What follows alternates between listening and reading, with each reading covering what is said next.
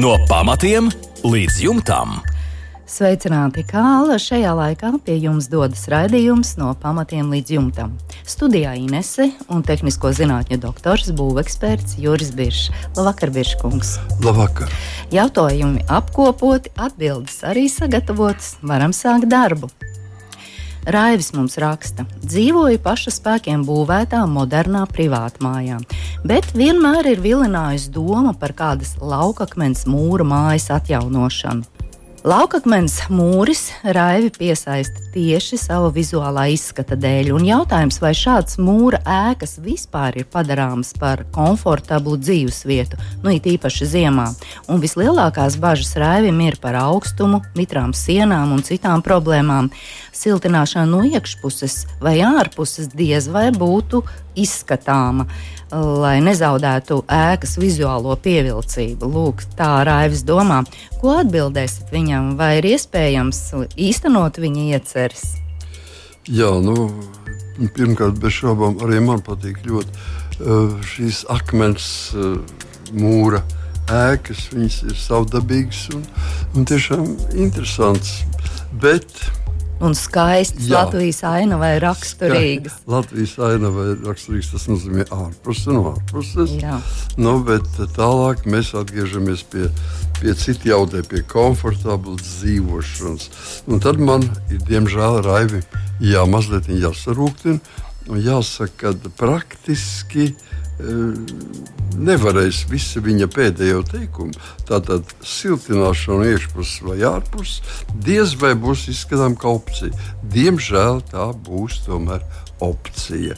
Jo redziet, ir tikai vien, viena iespēja, un šī iespēja vai nu jūs paši radiet šo mūrēku, mūrējam tā, kā lai viss būtu pareizi, vai arī jums ir nolaimējis un teiksim, šī ēka agrāk ir tiešām bijusi mūža, pils vai kāda cita ļoti nozīmīga ēka, un tad šajā akmens mūrī ir izveidots iekšējs apkurs sistēma.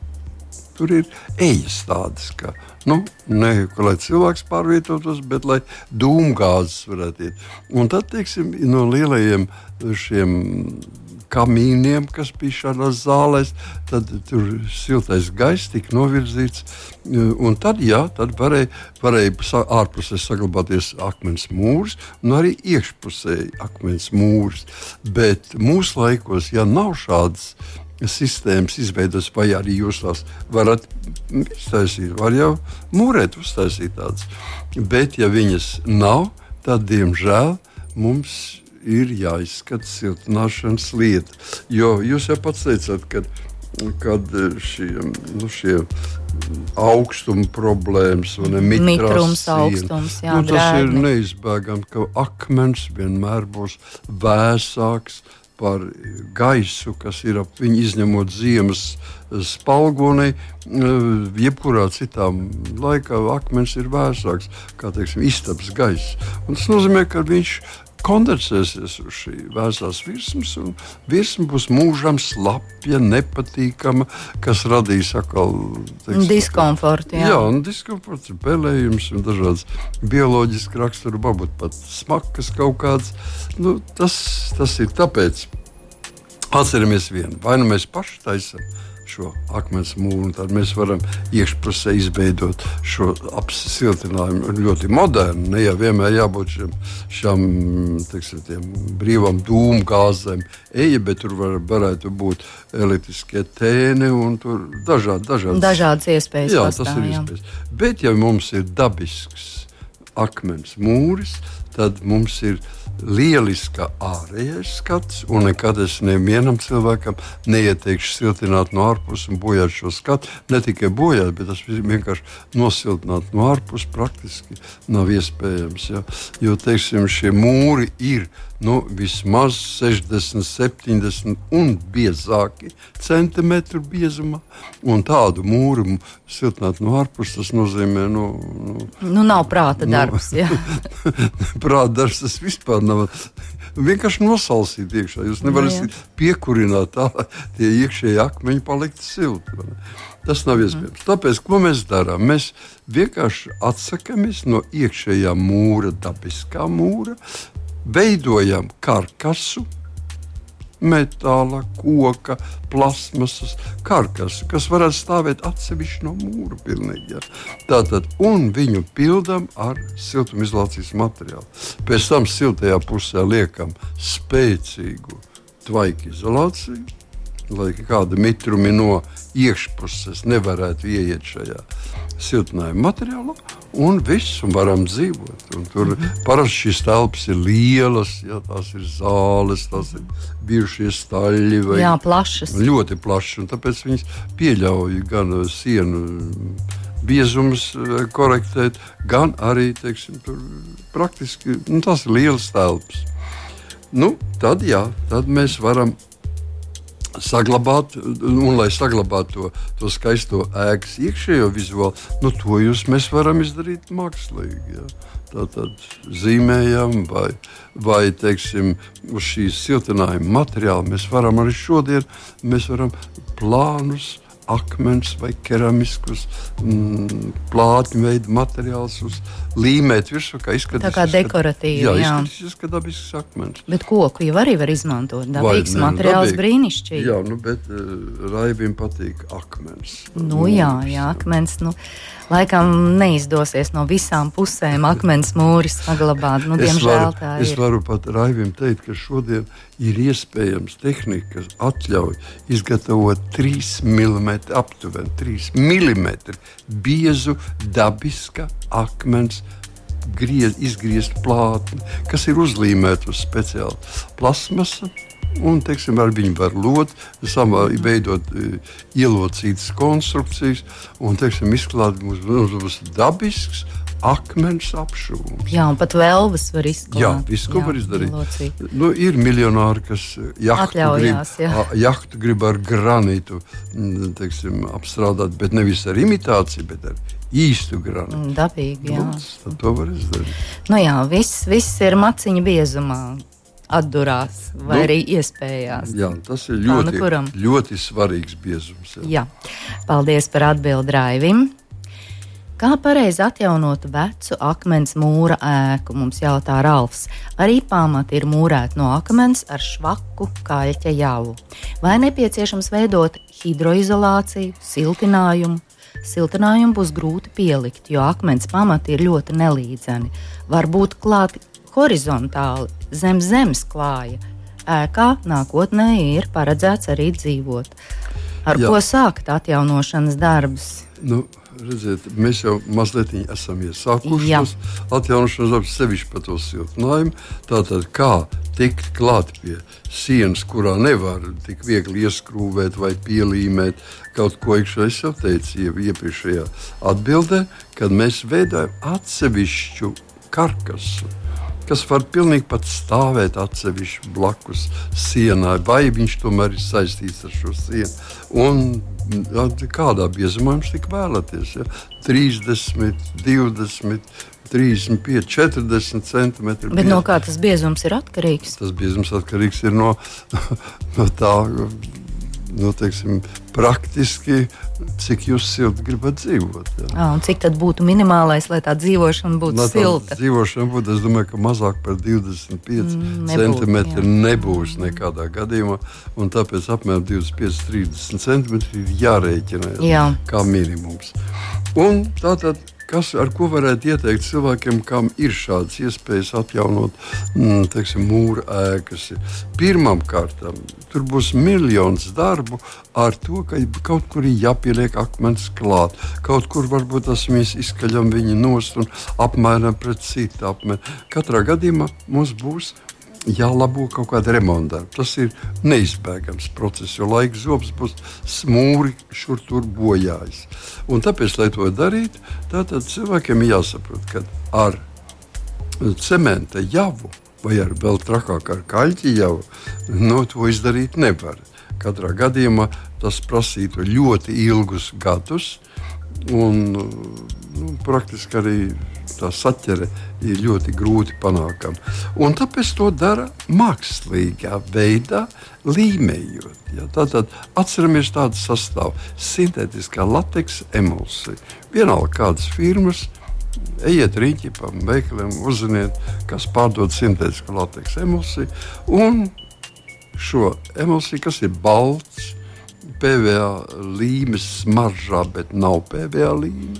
Tātad apmēram 6% piena konsistence, ļoti trekna piena konsistence. Un, un Portugāles cements, jebkuras markas, nu, kādas jau ir 200, 300, 400 un tā tālāk. Tātad, jebkuras markas, Portugāles cements un šīs sintētiskā lateksa emulsija. Un attiecības ir viena daļa, masas daļa, sintētiskais lateks, emulsija un divas masas daļas cements. Jeb arī ja mēs pārējām uz, uz tilpumu vienībām, teiksim, tad viena krūzīte šī, šī šķidruma, eh, sintētiskā lateksa emulsija šķidruma un pusotra krūzīte cementa. Lūk, samaisām viņus kopā. Tātad, eh, Sintētiskā lateksa emulsija ar cementu samaisām kopā. Iegūt, viens ir pelēks, viens ir balts. Maisījums dod zilu krāsu. Ne, ne, nesabaidieties, zili, zaļa krāsa. Un šī, sagatavojot šo daudzumu, jāņem vērā tas, ka viņš būs pēc 30 minūtēm ciets. Ļoti tas ātri nozīmē, jāstrādā. Ļoti ātri jāstrādā, ļoti maz jāgatavo, lai paspētu izstrādāt. Tāpēc jāstrādā, nu, tiešām šie faktori ir ļoti svarīgi. Un ar viņu samitrinātas akmens virsmas mēs noklājam kārtā, kas ir mazāka par 3 mm. Tātad kaut kur pusotra milimetra bieza mm -hmm. noklājam šo vietu, un pēc tam mēs viņu saliekam kopā, viņš salīmējas. Tā ir superlīme, kas līmē gan akmeņus, gan metālus, gan, nu, var sakot, praktiski visu. Un tad salīmējot šādā veidā šo mūri, tur paliks spraugs liels. Mēs liekam iekšā vienkāršu kaļķu javu. Ja? Tātad kaļķis, cements, vienkārši uz cementa bāzes jau, kurai pievienots kaļķīts klāts. Un tā nu, arī ir viena trešdaļa. Autentiski atjaunot pamatu. Jā, un tas būs elpojošs. Šūvju vietās viņš ir elpojošs, bet savienojuma vietās viņš Stingrs. būs neatdalāms. Mm -hmm. Tātad salīmēts. Jā.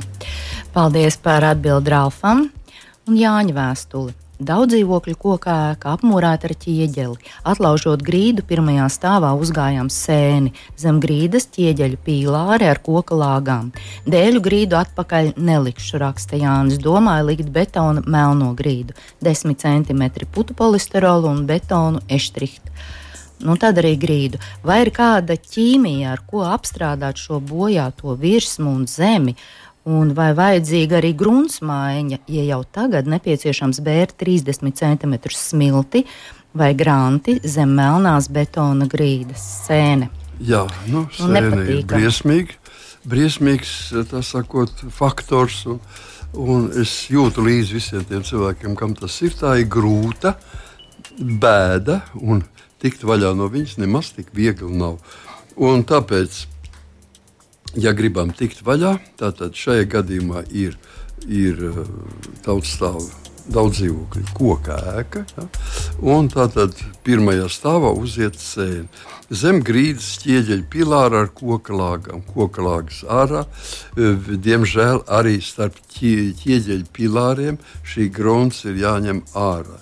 Ja, viņa, nu, teiksim, ja mēs varētu nomainīt viņu, cik var apmēram droši vienos, apmēram lāpstas.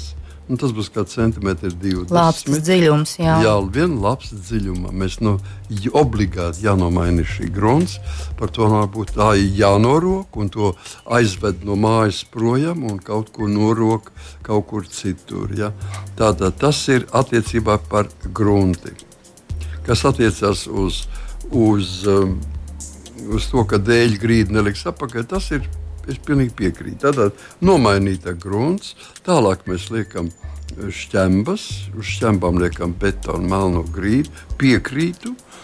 Siltumizolācijai es 10 centimetru negribētu likt, bet nu, 5 centimetri būtu pilnīgi pietiekoši ekstrudēta putekļa mm -hmm. polistirola un betona eštrigrīda. Pilnīgi piekrīt. Viss kārtībā jā. būs. Jā. Paldies par atbildi Jānim. Pirmdienās, 7. vakarā Latvijas Rādio 2 celtniecības un remonta darbiem veltīts raidījums.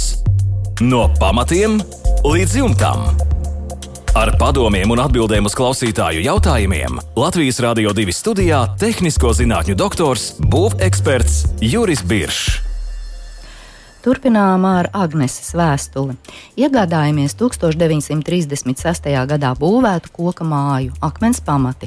Vienā istabā pirms pieciem gadiem nomainījām grīdu, jo vecā grīda zem preskartona bija bojāta. Meistars izveda grunti, salika plēves, keramzīta blokus, lāgas, starpā sabēra keramzītu un uzklāja dēļu grīdu. Diemžēl kaut ko ar plēvēm bija salicis nepareizi jo bojājās mājas apakšējais vainags. Starp plēvēm bija kondensāts, tās uzlocīts uz pamatiem, šoziem starp dēļiem sāka spraukties sēne. Pašreiz grīda ir izlausta, grunts izvesta, viss apstrādāts gan ar uh, fungicīdiem, gan arī ar kalnu saulīti, un divus mēnešus arī viss ir veidināts. Tagad gribam likt jaunu koku grīdu, bet nesaprotam, kādu pīrāgu veidot, un jaunie meistari, redzot vecā darba rezultātu, arī ir drusku apjukuši. Gribam koku grīdu, bet nevaram saprast, kā būtu labāk veidot pīrāgu šajā situācijā. Man pašreiz plēve izraisa paniku, un mēs varam Agnēs saprast. Blakus telpā, kur grīdai gandrīz 90 gadi, dēļ uz zemes un izskatās kā jauni. Bet te esam diezgan norūpējušies, jo ik pa pieciem gadiem mainīt grīdu nu tiešām nebūtu prāta darbs. Ko jūs, Biržkungs, ieteiktu? Betonēt. Tad siltinājums jāliek, tad dēļi jāliek, Jā, nu, jautājumi vesels strīps. Jā, ko, varētu ko, ko katrā vietā maisīties iekšā un mēģināt kaut ko ieteikt un darīt. Bet es pašreiz pilnīgi jūtu, ka uh, ir viens sarkanā dzīparā, iet viens cauri. Lai vienalga, vai tas bija meistars, vai tas bija haltušķīgs kāds, vai tas bija vēl kādi meistari. Uh, nu, tātad, ir šaubas par grīdas konstrukciju. Ja? Jā. Un sevišķi satrauc, cilvēks satrauc kaut kādas tvaikizolācijas plēves. Viņas arī ir vairākas plēves, vēl kur liek, kā liek. Nu, tāpēc ievadīsim tur tādu elementāru kārtību, kādai tai grīdai vispār jābūt un kāpēc tā plēve vispār parādās. Mm -hmm. Un tad jau pēc tam viss varētu būt tīri vienkārši. Tātad lietas būtība ir sekojoša. Vienalga, kurā vietā Latvijā, vienalga kādos apstākļos, ja mēs gribam uz līdzenas vietas taisīt grīdu, tad ko mēs darām? Mēs noņemam melno grunti, grunti melno, melno augstu nost līdz gruntī. Nu, tur tā tad tālāk seko vai nu pats zola, pelēka, vai māli, vai, nu, vai kūdri. Nu, kaut kas tur seko tālāk. Tātad mēs noņemam augšā organisko daļu. Un uz šīs jau apgabala grunts, kas tur pavērās, mēs liekam virsū šķembas liekam šķēpes virsū. Teiksim, 20, 30 mm caurmērā liekam virsū, blietējām, liekam virsū. Kā minimums 100 mm, tātad 10 cm biezumā. Kad mēs esam šādu kārtu izveidojuši, mēs uz viņas liekam virsū plēvi. Un tātad skatāmies, kāpēc mums jāliek plēvi. Par jebkuru grunti, kas ar nebūtu zem augsnes, mitrums iet uz augšu kapilārā uzsūca, un vienalga, kas tā būtu smilts, māls vai kūdra vai kas cits, mums viss iet uz mitrums, iet, nāk uz augšu. Viņš aiziet līdz šķembām, ja mēs tur uzberam šķembas virsmu.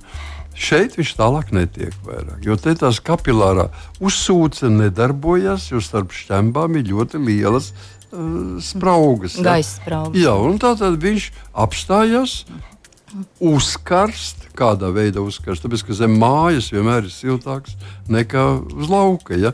Un tas nozīmē, ka zināmā, pēc zināma laika sāk šis ūdens iztvaikot. Šis ūdens tvaiks savukārt iet garšām šķembu spraudziņām, un iet stabili brīvi uz augšu un atduras pret plēvi. Pret vaikizlācijas plēvi. Tā kā viņš ir tvaiks, viņam nav spiediena, pietiek ar ļoti plānu plēves kārtiņu, viņš atdurās, kondensējas, pīlā atpakaļ, tāds notiek mūžīgi. Mitrums noslēgta izēja uz jūsu grīdu. Tikai tāpēc tas ir vajadzīgs. Un tālāk jau uz šīs plēves mēs varam likt virsū betonu, kā, kā teiksim, starp grīdu. Ja? Mēs varam likt siltuma izolāciju virsmu, mēs uzreiz patiešām, mēs varam un tālāk taisam grīdu, kādu nu, mums mm -hmm. patīk. Ja? Tāpēc lai ko mēs tam nedarītu, mums ir skaidrs, ka mums ir stabila grunts jādabū. Protams, es te pieminēju kūdus, kūdus neko nedrīkst taisīt, kūdi ņem ārā, bet visām citām gruntiem var, ka viņa ir stabila. Nu, Nogludināt, no, no, noblīvēt. Ja? stingra. Jā, un uz viņas liek virsū šķembas, lai tikai ar vienu nolūku, lai mm, grunts mitrumu pārvērstu tvaikā no pilienveida ūdens stāvokļa mēs pārvēršam šo mitrumu tvaikā. Un tvaiku mēs uztveram ar vienkāršu tvaika izolācijas plēsi. Jā, bet šeit ir būtiski, kā tas tiek izvadīts pie sienām. Šī plēsa. Nē, nē, nē, šai gadījumā neiet runa par to. Iet pie sienām mums ir tā kā jau, jau Agnēs eh, rakstīja, putu plasta 20 mm kārtīgi pie sienām ir iet uz augšu. Tātad tur viss ir nosegts. Un iet arī tā plēve gar putu plastu uz augšu. Ja. Jā. Tā kā viņi tur tālāk netiek nekur. Tālāk nekur viņam netiek, tālāk viņi viss mitrums paliek apakšā. Viņš nevar nekādā veidā nonākt augšā vairāk.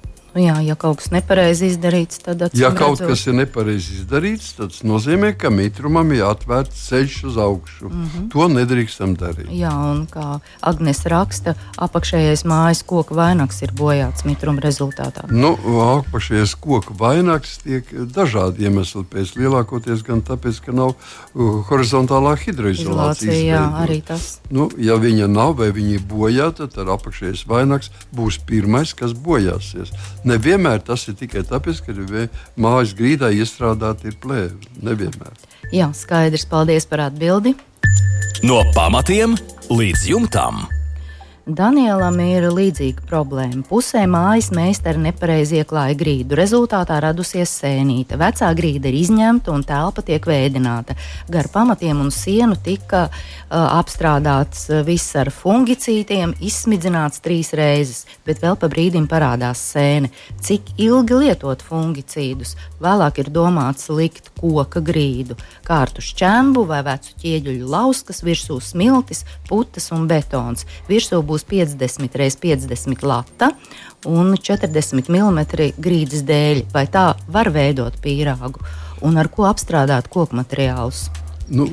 Vispirms ar to, ka koku materiāls obligāti, īpaši šādos gadījumos, nu, tur divkārši vajadzētu viņus apstrādāt ar, ar antiseptiķiem, antipirēniem, atsevišķi gan ar antiseptiķu, gan ar, antipirēnu apstrādāt visas koka detaļas. Es teiktu, ka Dānijas ir diezgan riskants cilvēks. Es gan pēc sēnes sev nevēlētos koka grīdu. Tas ir diezgan tomēr vēl. Vēl riskanti. Es domāju, ka varētu stabili um, padzīvot kādu laiku ar, ar lamināta grīdu. Un pavērot, kas, un pavērot, kas tur ir. Tātad atgriežamies pie uh, apstrādes ar, ar fungicīdiem. Ja mums parādījās sēne, tad pirmkārt mēs likvidējam šo sēni, kas ir redzama. Ja? Ar rokām neiztiekam, ņemam teiksim, ar uh, balināšanu efektu, antifungicinālu. Uh, šķidrumu, uzklā, uzlaižam to virsū. Viņš 5 minūšu laikā ir izkausē visu to, kā, kā mm, nu, pār, pārvērst šķidrumā. Ja? Tālāk mēs likvidējam grīdu, par to nav ne mazākā šauba. Grīda tiek izmesta ārā un visas sienas materiāls līdz palodzēm. Ja tas ir koks, tad sienas materiāls uh, vis, visa apšuva līdz, līdz uh, karkasam, līdz, koka, līdz uh, loga palodzes līmenim, apkārt pa visu perimetru. Kā mūsu priekšā ir izņemta grīda, mums ir grunts redzama, mums ir redzama visas sienas konstrukcija apkārt pa perimetra telpai līdz, grī, līdz, palodzes, līdz palodzes līmenim. Īpaši svarīgi ir durvju stenderis un tās iespējas vietas, kur varētu sēne iesprāgties uz otro stāvu. Mēs viņam nosadzam visus ceļus. Un šādā veidā tiek dezinficēts. Visas šīs daļas, visa šī telpa, arī griezti un pārējā daļa tiek, tiek izsmidzināta ar, ar fungicīdiem. Tad pēc tam apmēram teiksim, nu, tas būtu jādara teiksim, parasti vienreiz vai divreiz nedēļā. Nu, ja jūs to dariet, tad pēc trīs nedēļām, ja parādās vēl kaut kur sēne, tad tajās vietās atsas, turpinām atsekšanu, kur parādījās sēne. Tas nozīmē, ka zem grunts nav viss izņemts ārā, ka tur vēl kaut kas ir. Sēne vairāk pēc trīs nedēļām nedrīkst vairāk parādīties. Katrā nedēļā divreiz dezinfekcija, tas ir sešas reizes dezinficēts. Sēne nedrīkst parādīties vairāk. Ja viņa parādās, mēs jau momentā tajās vietās, kur mhm. parādās, turpinām. Jā turpinām atsekšanas darbus un lieku noņemam iespējas veidoties kaut kādam sēnēm. Tas ir kaut kāda no koka fragmentiem, kaut kas apslēpts varētu būt. Pēc tam, kad vairāk šis nerādās, šis sēne, tad mēs nu, savedam kārtībā pamatus kas ir redzama no iekšpuses, atjaunojam hidroizolāciju, kas ir redzama, atjaunojam karkasa apakšējās balstvietas, ja tās ir skādētas vai kas darīts. Un tikai pēc tam mēs varam nu, teiksim, mēģināt ķerties pie, pie grīdām. Ja? Apkārt pa pamatiem mums ir putekļi stirola 20 mm. Tā sakot, kārta, pēc tam mums ir šķembas. Nu, grunts pati, kā jau teicu, apmēram. Mākslas jānorok, jā. ir dziļumā, ir jānorok, jānomaina. Un tad mēs viņu sakot, apmainām pret, pret šķembām. Šķembas ir noblīdētas, uz šķembām virsū ir plēve, plēve iet uz augšu pie sienām, pie virs šī putu materiāla. Un tad uz šī materiāla mēs veidojam, vai es teiktu, ka tajos gadījumos, kad tiešām ir bijusi sēne, taisīt plānu betona sagatavi Un šis betona sagatavs, jūs varat teikt, ko jūs praktiski Jā. gribat. Jā, skaidrs, paldies. Un vēl Eižena jautājums. Vēlos siltināt 1987. gadā būvētu privātu māju. Gāzbetona mūris apšūts ar silikāta ķieģeļiem, gaisa sprauga starp ķieģeli un gāzbetonu 5 līdz 6 cm. Gaisa spraugu vēlos aizpildīt ar siltināmo materiālu. Kādu risinājumu, kādu materiālu jūs ieteiktu Eiženam Birškungs? Nu, ežerām gadījums ir ļoti standarta gadījums. Tātad dabīgi, ka atstāt gaisa spraugu starp ķieģeli un gāzbetonu nedrīkst atstāt. Tas uzkrās mitrumu. Lai tas tā nebūtu, mēs ņemam vērā, ka tur ir 5 līdz 6 cm.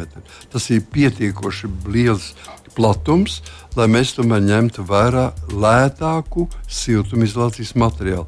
Šādam, šādam platumam atbilst visracionālāk lietot ir ekovati, beramo ekovati. Tātad izsaucam brigādi, brigādi jums zem spiediena iedzer šo ekovati, aizpildu pusstundas laikā divu stāvu mājai šo 5-6 cm joslu.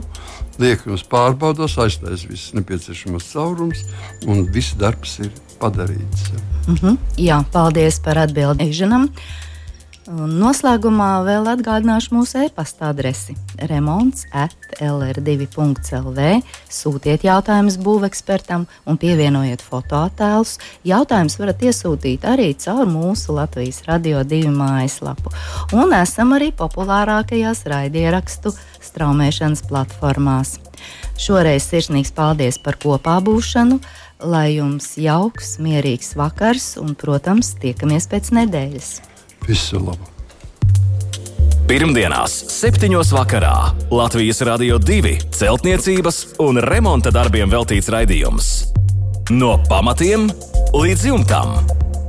Ar padomiem un atbildēm uz klausītāju jautājumiem Latvijas Rādio 2 studijā - tehnisko zinātņu doktors, būveksperts Juris Biršs.